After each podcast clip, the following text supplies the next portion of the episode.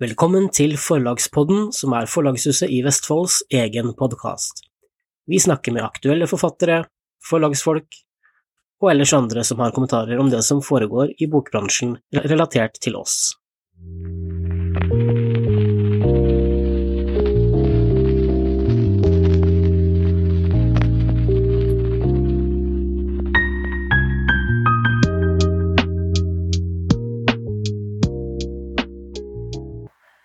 Da ønsker jeg velkommen til tredje episode av Forlagspodden, som er Forlagshuset i Vestfold sin egen podkast.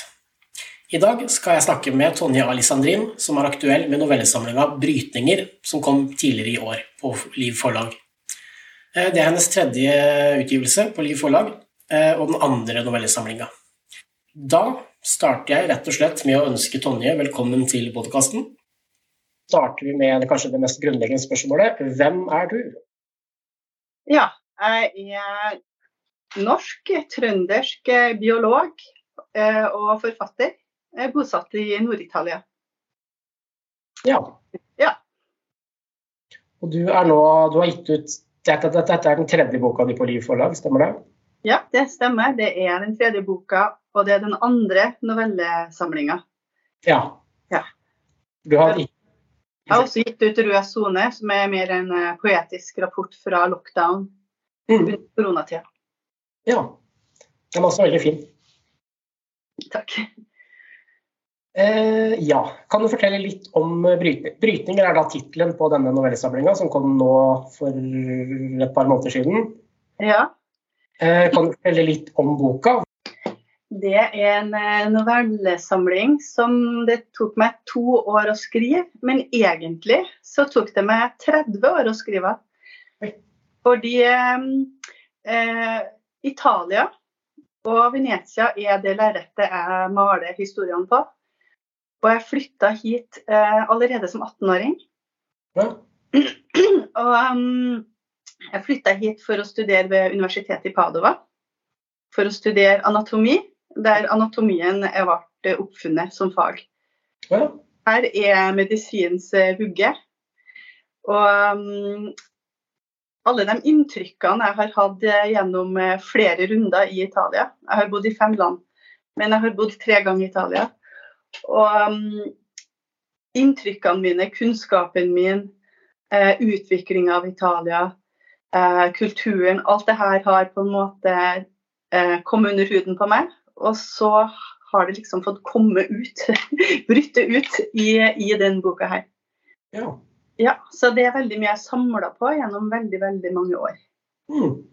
Og det er da eh, noveller som har eh, eh, både historiske og mytologiske personer i bak, som bakteppe. Eh, Venezia har fått eh, nesten en protagonistrolle eh, som by. En slags kroppslig rolle hvor Eh, vannet går ut og inn av kanalene i Venezia, akkurat som blodet går ut og inn av hjertet vårt. Ah. Og det er noe med Venezia. Det, når man kommer dit, så føler man at byen har en vilje. Ja. Og det er en by med mange kontraster mellom lys og mørke. Eh, det forferdelige uværet som ofte er der midt på sommeren, som kommer helt plutselig, og som er så farlig, som har tatt mange liv. Den forferdelige historien med alle, all pesten, og samtidig da den fantastiske eh, vitenskapen, smittevernshistorien eh, eh, og den første karantenene i verden. Alt det som venetianerne fant opp. Mm. Eh, og samtidig den fantastiske, nydelige eh, arkitekturen da, som en fasade eh, med alt det uhyggelige gjemt bak. Ja. Sånn at eh, jeg tror eh, man kan se på novellesamlinga her som en reise um, i tida, men også en reise litt i det tåkelandskapet mellom bevissthet og ubevissthet. Og undringa står sentralt eh, i denne boka her. Ja. Så dette er så dette er en bok som på en måte, det er ditt Italia. På en måte, det er liksom din opplevelse av Italia skildra gjennom forskjellige noveller. Tolker jeg det riktig da? Ja, det er jo på mange måter det. Ja. Og samtidig er det historiske personligheter, historiske eh, handlinger, som jeg da eh, sett, bru, bruker som setting i, eh, i, novellene. Og også da for å vise det tidløse, kanskje. Ja. Det, tidevannet. Tidevann er et fint ord. Eh, det tidevannet eh, som går på tvers av 1600-tallet, eh, 1500-tallet og også nå. Det, det, har jeg i boka, og også den dualismen mellom lys og mørke. Mm. Mm, sant og usant, drøm og virkelighet, liv og død. Og um, ofte ser du i uh, flere av historiene så går jo Caravaggio igjen. Caravaggio og hans kunst og ja. Medusa. Ja. Som da er et bilde på det tosidige. Mm. Mm. Spennende. Jeg må innrømme at jeg har aldri vært i Italia, ikke enda. Det er et land jeg definitivt skal til så fort som mulig, men uh, har ikke kommet dit enda. Nei. ja, jeg viser kanskje en uh, skyggeside ved Venezia. Det um, Kanskje ikke det mest uh, ja, Det er ikke sånn ferie, ferietur i Venezia, men det er mer eh, andre sida av Venezia som jeg syns er mye mer interessant. Mm. Mm. Men boka handler jo også om eh, Den er også lagt til andre steder, som Roma. Den er lagt også til Norge. ja. Mm. Jeg, jeg syns det er spennende når jeg reiser. Jeg har, vært, jeg har reist en del, og jeg syns alltid det er spennende å se det der ekte ved byer. Jeg er veldig glad London, f.eks., og London også har jo veldig mange skyggesider. Ja. Eh, jeg, har, jeg har ikke vært i London Eye, f.eks. Jeg er mer interessert i de ekte stedene som faktisk er byen. Uh, Ideen er London. Ja, ikke sant? Mm. Ideen London, den du har bygd. Den man bygger seg selv når man leser litteratur, ikke sant? Som, ja. ja. Mm. Ehm, ja, som sagt så har du eh, gitt ut tre bøker på Forlagshuset i Vestfold eh, og Liv forlag nå. Ehm, når bestemte du deg for å bli forfatter, eller når, drøm, når fikk du det frøet til å ville skrive skjønnlitteratur? Ja, ja, når bestemte jeg meg for å bli eh, forfatter? Jeg tror det var flere puljer. Det ene var da i 2001, da vi opplevde terrorangrepet. Ja. 11.9. Eh, eh, og jeg bodde i Boston og jobba som forsker ved Boston University. Mm. Der mista jeg en kollega. Familien hennes satt på det andre flyet eh, som krasja inn i World Trade Center. Og um, jeg husker at jeg sprang hjem eh, etter jobb. Og um, han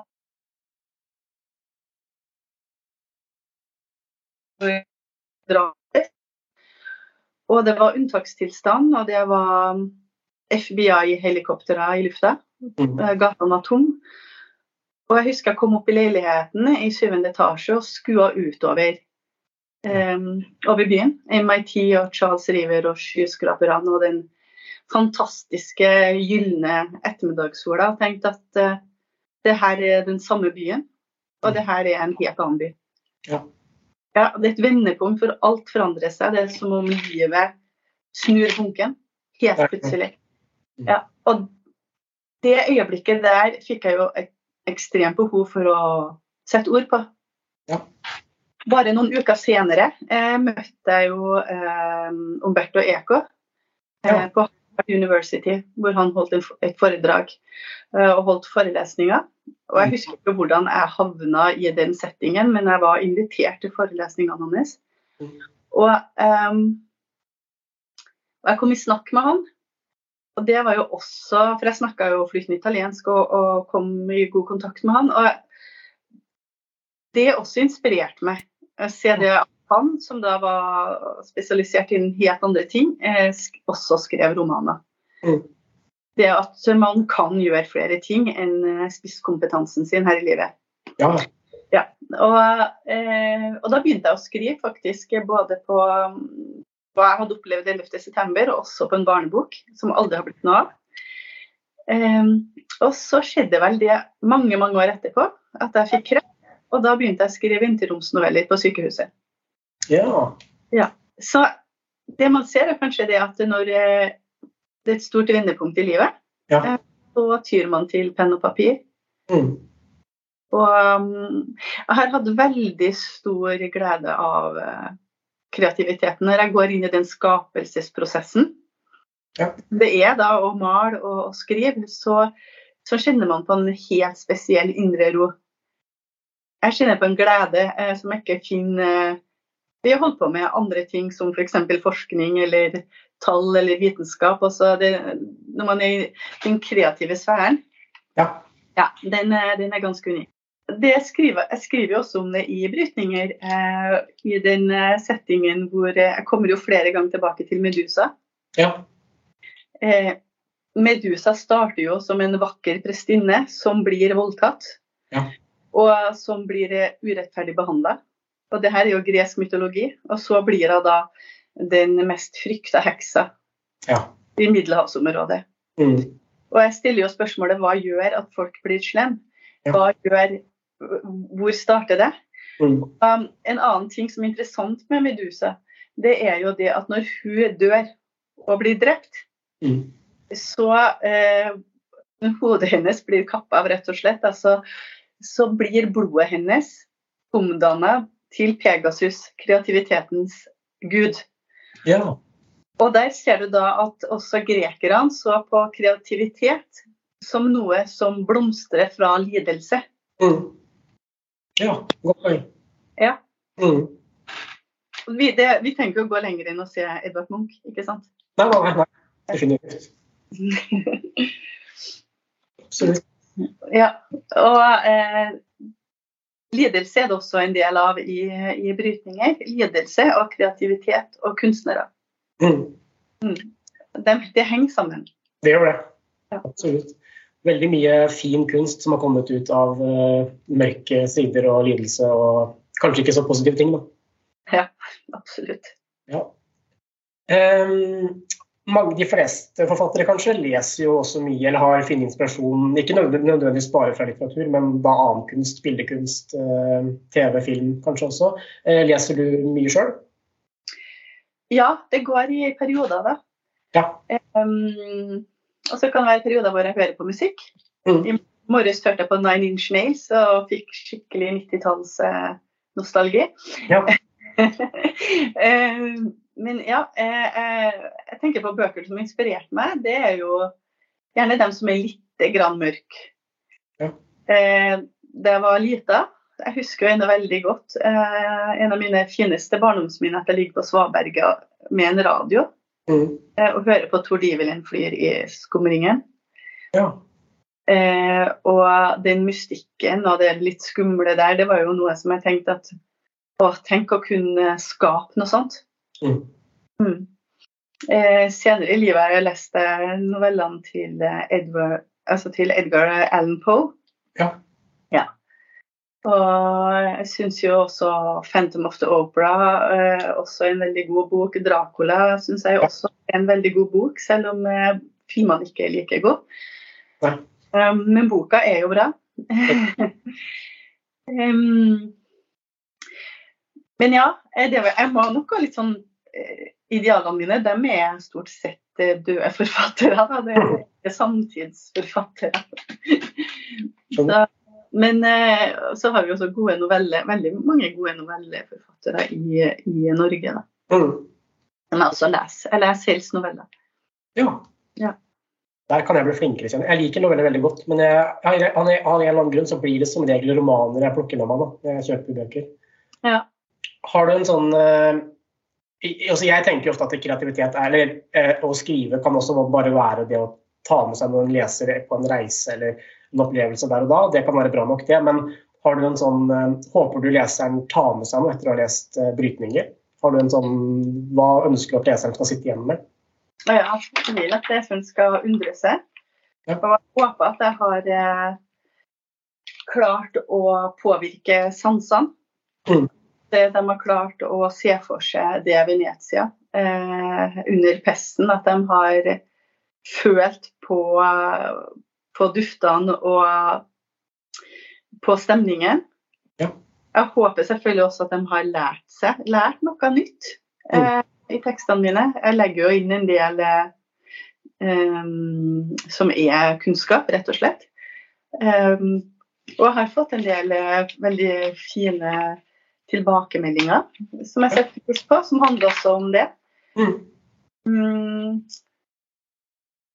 Så det er vel egentlig det at leseren har en god leseropplevelse, lærer noen ting, og også føler på den undringa eh, som jeg har lagt opp til. Mm. Ja, og apropos det, det har, du har fått, mm, fått, flere gode tilbakemeldinger fra både bokbloggere og bibliotekarer på at språket er vakkert og medrivende. Det, setter du pris på Eller hvordan, hvordan, hvordan, hvordan er det å få tilbakemeldinger på bøkene dine? Ja, man er alltid veldig sårbar når andre leser boka og kommer med en dom. Mm. Eh, men eh, selvfølgelig når eh, eh veldig erfarne bibliotekarer og bokbloggere skriver eh, fint om boka og også gir terningkast seks, så, så, blir jeg selvfølgelig veldig glad. Og det gir jo eh, motivasjon til å skrive en fjerde bok kanskje også. Mm. Ja. Jeg skjønner godt. Ja. Eh, ja. og så har jeg også fått tilbakemelding fra, fra kunstnere som kjenner seg igjen eh, i mye av eh, Jeg har jo gått inn liksom under huden på enkelte, sånn som Tiziano. Mm. Kunstneren Tiziano Caravaggio, og, og som syns at de kjenner seg igjen. Og så en annen ting jeg håper at leseren tar med seg, og det er at de legger merke til understrømningene. At de legger merke til eh, egentlig kvinnene i boka. Ja. Ja, både protagonistene og antagonistene. At det er på en måte dem som driver historien videre. Mm. At mye her handler om eh, kvinner. Eh, kvin kvinner kjenner sitt hode, bokstavelig talt.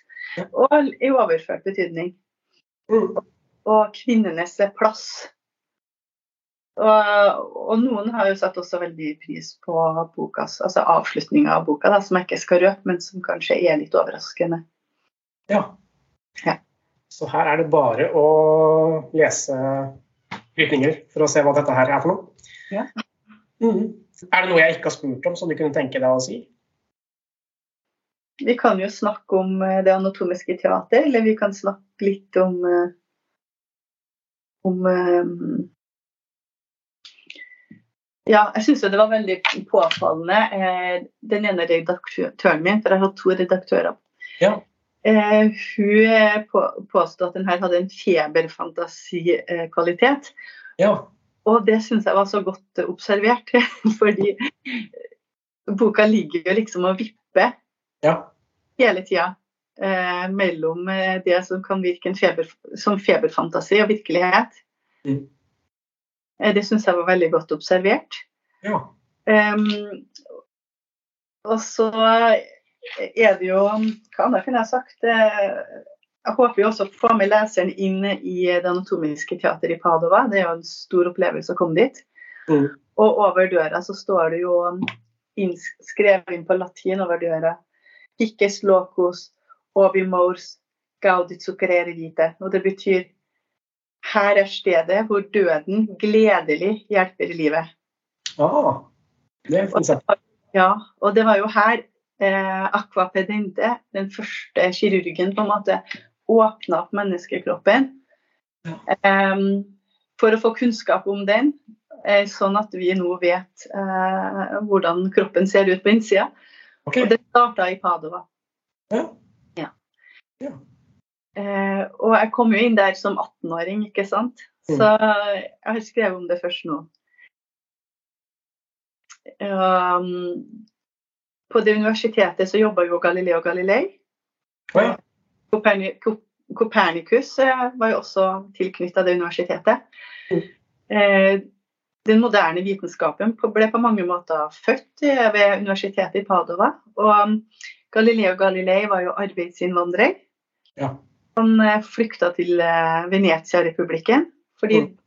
fordi, patriarken i Venezia var liberal og lot den holde på med den forskninga han ville. Og eh, det er en side ved Venezia-republikken som er veldig interessant, og som gjør at Venezia er Venezia, og at eh, vi i dag har moderne medisin. Så mm. kommer, ja. Spennende. Ja. Jeg er jo veldig fascinert av eh, medisinsk historie fra Venezia. Ja. Så, og det, det, kommer jo fram også ved at jeg skriver om uh, pestdoktor Alvis Etsen, hvor han møter kunstneren uh, Tizian. Ja. ja. Den virka jo samtidig. Tizian dør av pesten i, denne, i um, den samme perioden som Alvis Etsen begynner å jobbe som pestdoktor i Venezia. Okay, ja. ja. Mm. Det har jeg også, sett sen, har jeg også skrevet om i Rød sone. Fordi eh, han fant jo på mange måter opp smittevernet, som vi brukte under koronatida også. Ja, ikke sant? Med avstand og maske, munnbind osv. osv. Ja. Mm. Veldig spennende og lærerikt, som du snakka om i stad. Ja, hvis noen kan lære noe av novellene, så er det definitivt Virker det som det definitivt er tilfellet her? Ja, håper det. Mye her jeg ikke visste, f.eks. Ja. Mm. Eh, helt til slutt, da. Eh, Samlinga heter 'Brytninger'. Veldig, det er veldig bevisst. Eh, refraksjon er det jo på fagspråket.